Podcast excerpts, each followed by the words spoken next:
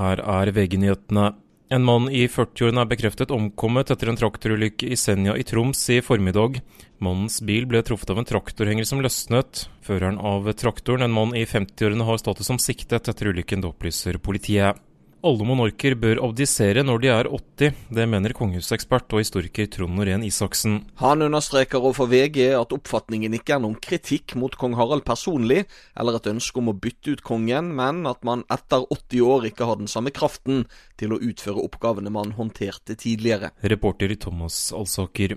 Og kong Harald fikk i dag lagt inn en midlertidig pacemaker ved sykehuset på Langkawi i Malaysia pga. lav hjertefrekvens. Kongen, som har vært mye syk den siste tiden, pådro seg nylig en infeksjon på ferie i landet. Han vil trolig fraktes hjem i løpet av et par dager, ifølge kongehuset. Til slutt har vi en nyheten om at en 40 år gammel mann fra Tønsberg er dømt til 75 dagers ubetinget fengsel for å ha svindlet til seg 240 000 kroner fra en minibank, det skriver Tønsbergs Blad.